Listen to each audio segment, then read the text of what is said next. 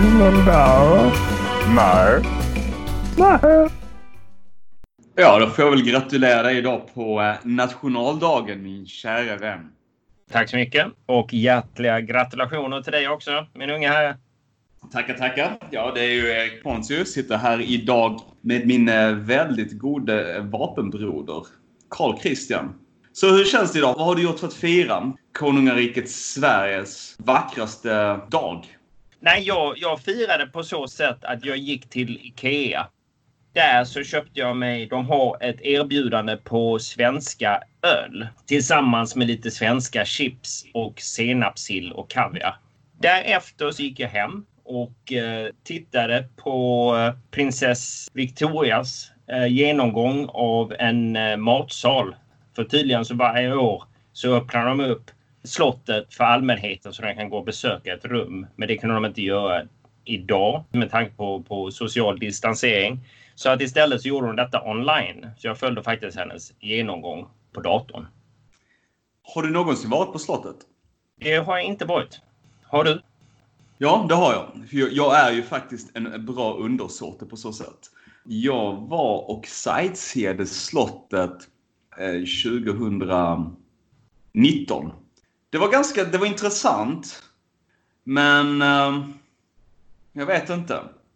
Det, det, var, det var inte riktigt vad jag förväntade mig. Jag trodde det skulle vara lite mer öppet. Man kunde gå, för det är ju Sverige trots allt. Man skulle kunna gå runt lite mer och sådär. Det, det var väldigt turistigt helt enkelt. Så det, det är väl antagligen därför jag aldrig gjort det tidigare. För att det blev väldigt turistiskt. Men, men tänk dig själv, hur hade du gjort om du hade haft ett öppet hus hemma och låtit eh, allmänheten eller dina, vad var det för ord du använde innan? Undersåtar. Ja, ifall du lät dina undersåtar komma och besöka dig. Ja, med, med tanke på att jag bor i en one bedroom just nu i, i Washington DC så det hade varit en ganska snabb tur. Jag hade ju tagit dem genom mitt, mitt kök, min köksavdelning, så att säga. In och visat dem salongen, vardagsrummet, matsalen och mitt hemmakontor. Det är nästan som ett litet Kinderägg. Exakt. Och sen, jag vet inte om jag skulle tagit in dem till uh, sovsalarna så att säga och uh, mitt, dressing room. Jag kanske inte skulle göra det.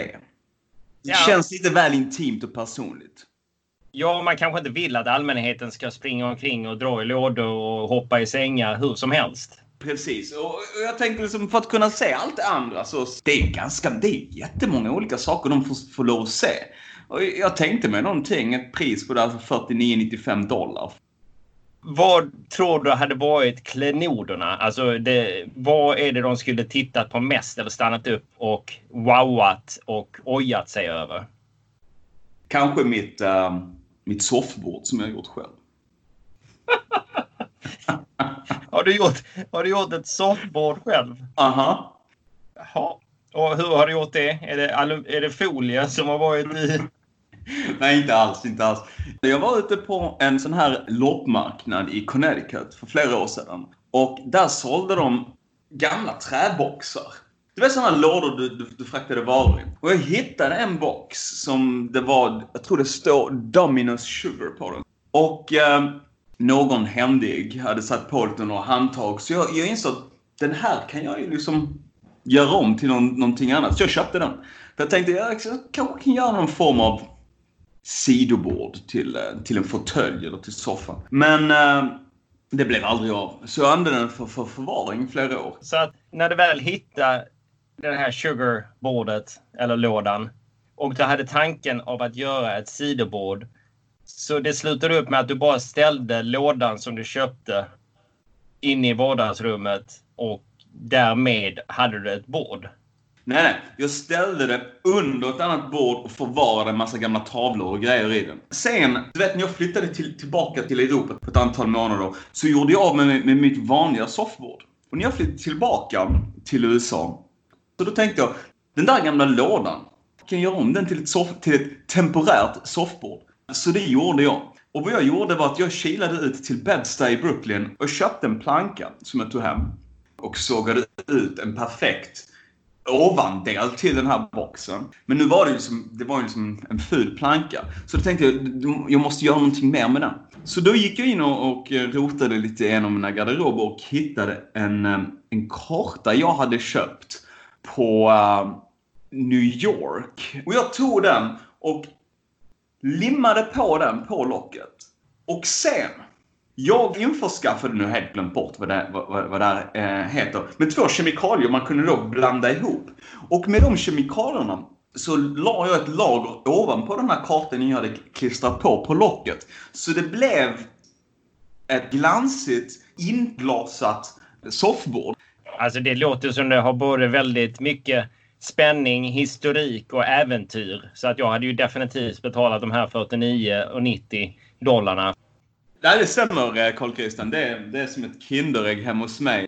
Jag vill friskt uppmana folk till erfarenheten. Men det är ju inte det. Det är inte därför vi har samlats idag. Och det är inte det vi, har, vi är här för att tala om. Vi är ju här för att tala om någonting helt annat. Nämligen? Vi ska prata om uh, olika typer av ordspråk. Eller snarare två ordspråk. Så att än en gång, jag har ingen aning om vad Erik har hittat och Erik i sin tur har ingen aning om vad jag har luskat fram med. Ja, och har man, eh, har man tagit fan i båten får man ju ro honom i land kan man ju säga. Och det ska jag använda som en segway för att eh, nämna ett ordspråk jag hittade. Och det var svårt. Det var faktiskt väldigt svårt att välja ett specifikt ordspråk. För det finns så himla mycket man kan välja mellan. Så jag bestämde mig för att ta någonting som jag vet många känner till eller kan känna sig igen i själva ordspråket. Det är ett gammalt nordiskt ordspråk. Enligt det svenska folkets historia från äldsta till närvarande tider, volym 2, skrivet av Anders Magnus Strindholm, så ska det här ordspråket komma från isländskan. Och eh, det lyder, när ölet går in, går förståndet ut.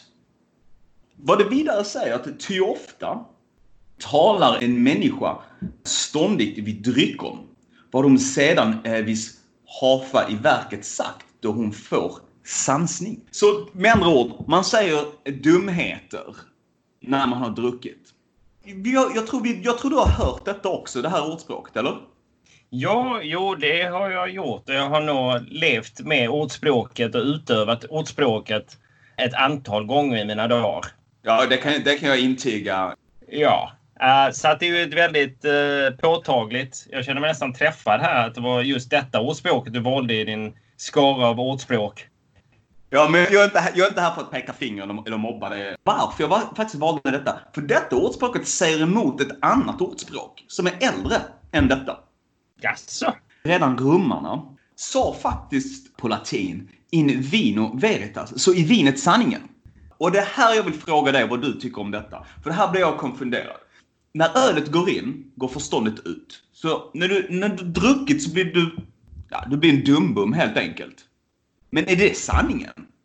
Är sanningen att vi är korkade som, som, eh, som människor? Och, den, kommer, och, och den, här, det här, den här sanningen kommer bara ut när vi har druckit? Ja, det beror ju lite på hur mycket man har druckit. De, de säger ju faktiskt att om man bara druckit lite, väldigt lite, så ökar ens sinnen. Till exempel eh, koncentration och vetenskapen av att man har druckit gör att man automatiskt blir mer alert eh, i vissa stunder. Men som sagt, det går ganska fort över till ett annat stadie i ens decline av eh, mänskligt beteende.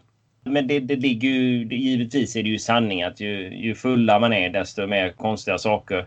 Jag vet inte om jag har gjort något direkt smart när jag har varit berusad. Men jo, jo det har jag faktiskt. Det måste jag erkänna. Att en gång när jag var berusad så var jag, var, var jag cyklade. Jag satt på en cykel. Och polisen kom för jag hade inget ljus. Och så tänkte jag nej tusan. Han kommer stanna mig och bötfälla mig för att jag inte har något ljus på, på cykeln. Så att vad jag gjorde var att jag hoppade av cykeln i farten. För jag stannade inte cykeln innan jag hoppade av. Det beslutet i sig är ju ett bevis på att ordspråket gäller. Det där påminner mig om en annan historia och det var för flera år sedan. när vi var ute i, i Malmö och jag skjutsade dig till eh, jag tror, det, jag tror det var en nattklubb eller no, no, någonting av det slaget. Och vi hade då förtärt en, en, en, ett antal öl. Du kanske hade förtärt några fler än vad jag hade. Ja, med tanke på om du körde mig så antar jag att du inte hade förtärt några öl. Och om jag kommer ihåg denna historia korrekt så var jag ganska glad i hatten. Och vi kom fram till den här, eh, när jag hade kört dig fram till den här nattklubben så ville du att jag skulle följa med in också. Men jag kände ju inte riktigt för det. Och när jag avböjde att följa med så blev du lite förgrymmad helt enkelt. Vad, vad var det som hände därefter? Jag kände mig väl utlämnad och ensam att försöka gå och rulla hatt i Malmö stad själv en afton. Så jag blev lite, lite sned får man säga. Och, och, och du bestämde dig då för att uh, efter jag hade lämnat av dig slå mig en signal på, på min gamla Nokia 3310 och lämna ett, uh, ett röstmeddelande helt enkelt. I, uh... Ja, det var, och det var ju inte bara ett meddelande. Jag tror jag lämnade ett antal för jag fick ju gå hem från nattklubben för jag kom ju inte in tror jag. Eller så, så avbröt jag projektet. Och på den vandringen så hade jag ju tid att avlägga ett antal samtal till personen i fråga som var du. Monologer helt enkelt som du spelade in i andan av In Vino Veritas. Och jag lyssnade ju tyvärr aldrig på dem för jag hade ju blivit av med min, eh, min telefon följande dag. Men du ringde mig ändå på min, min hemtelefon och, och bad så mycket om ursäkt.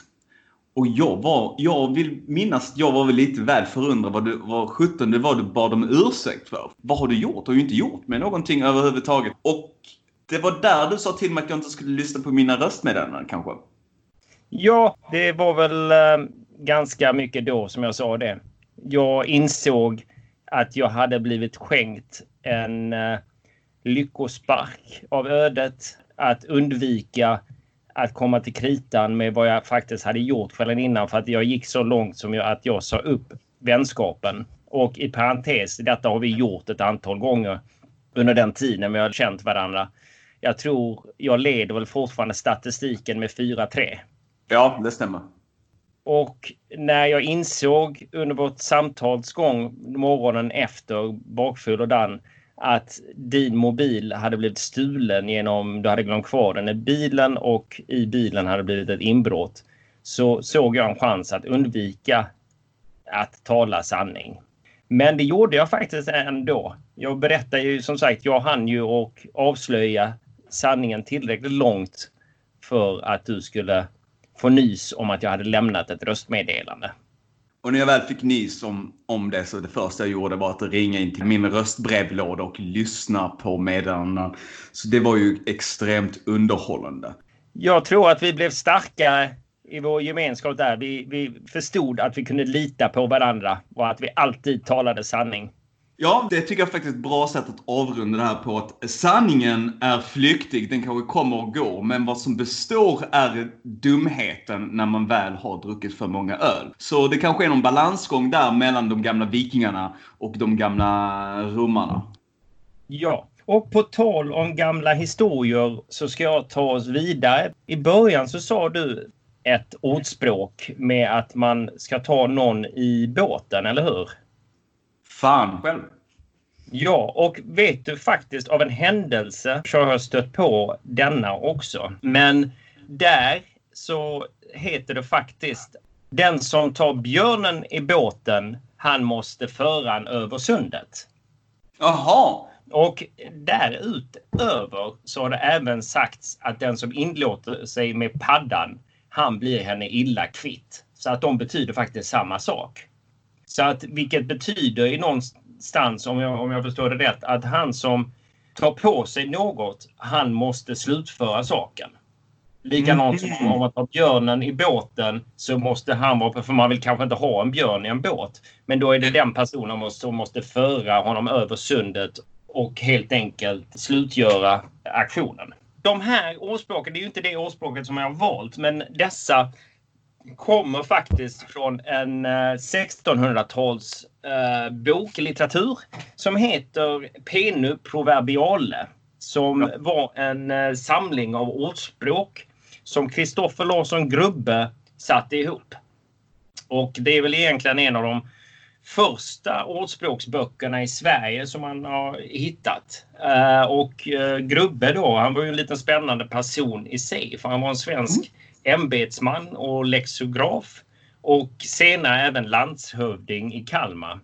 Jag är ju alltid för att höra mer om lexografer. Ja, i alla fall så att han gav ut eh, 1665 så gav han ut den här boken Penu Proverbiale. Men det, det är inte hela titeln på boken utan den fullständiga titeln heter Penu Proverbiale, det är ett ymnigt förråd av allehanda gamla och nya svenska ordseder och lärespråk.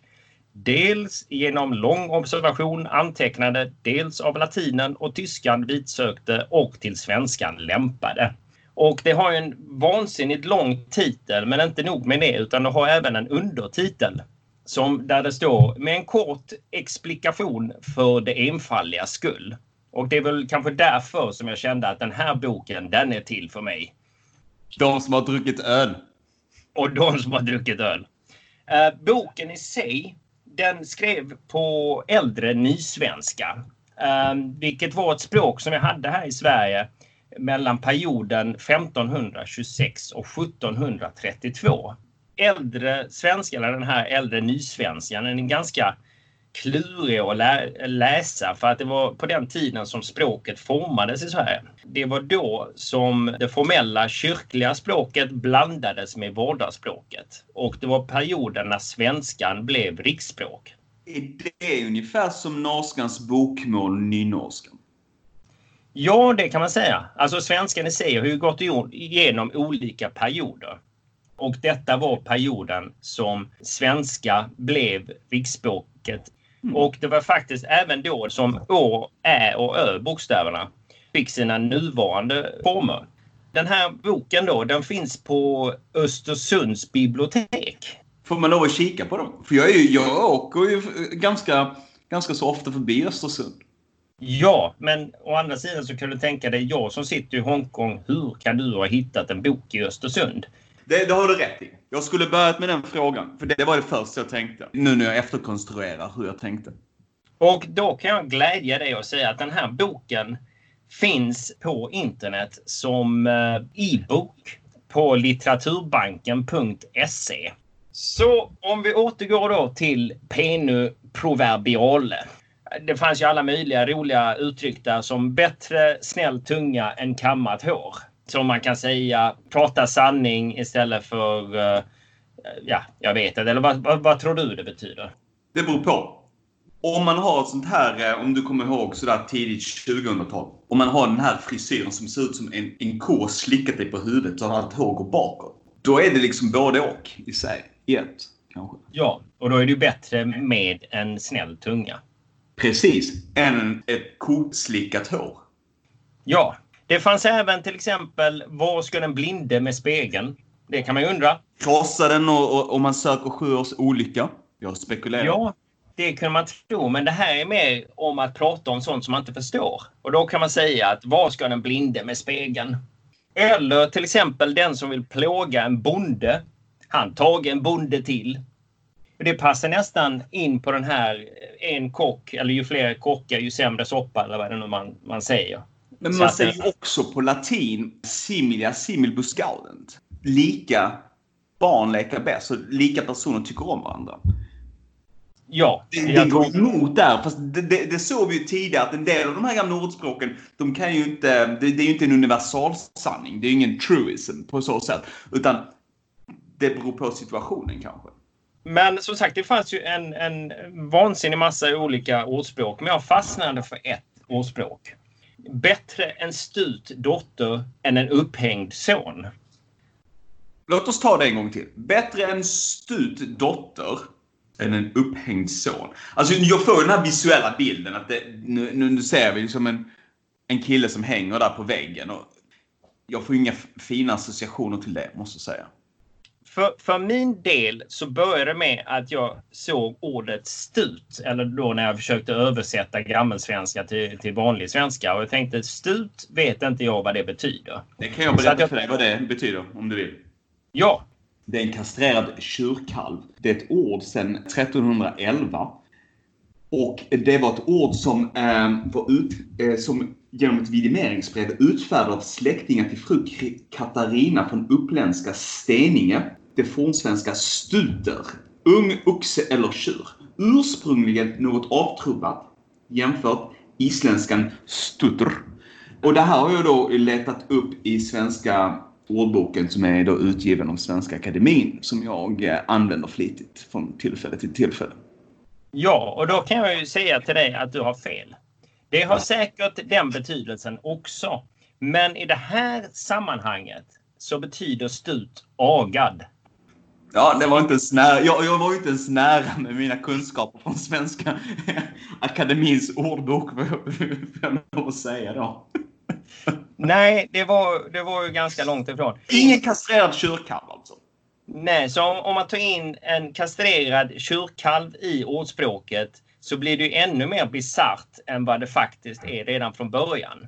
Men om man däremot tar in agad så får det en annan mening. Men i den här boken så fanns det ytterligare en, ett ordspråk på samma sak som säger en levande hund är bättre än ett dött lejon.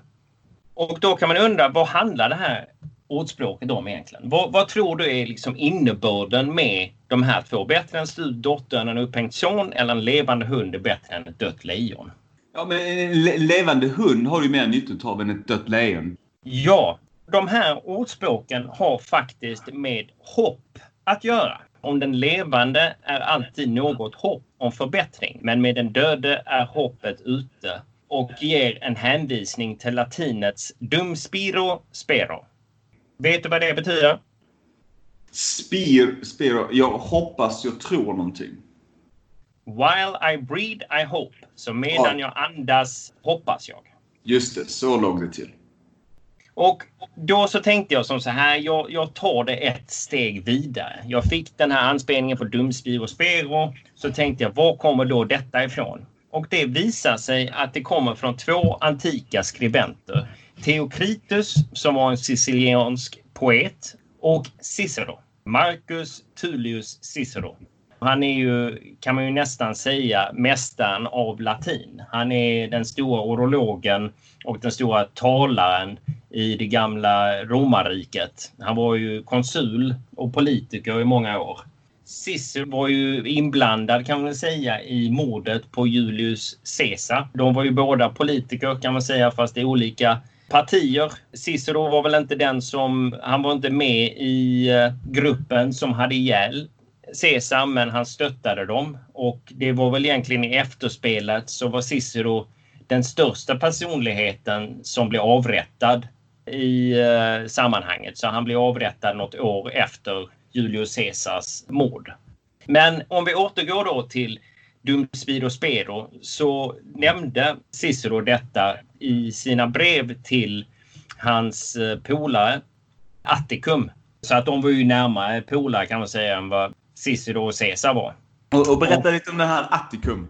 Atticum var en av hans kollegor kan man säga. Som han, han brukade utbyta ord och eh, råd med. Så att eh, de skrev ju brev till varandra när de inte var i närheten. Men när de väl kom in i, i, i Rom så var de på samma sida i de här debatterna. Senare så utvecklades det vidare till att säga att Cicero då sa att om du fortsätter att tro medan andra har slutat hoppats så kan du använda detta som styrka att leda folket. Och Erik? Ja, Carl Christian. Visste du att dum Spiro Spero finns även på dina breddgrader? Eller inte riktigt, men det är faktiskt South Carolinas stadsmotto. Jaha. Det, det, det, visste jag inte. Jag har faktiskt inte varit i South Carolina, men jag, jag bor ju väldigt nära North Carolina.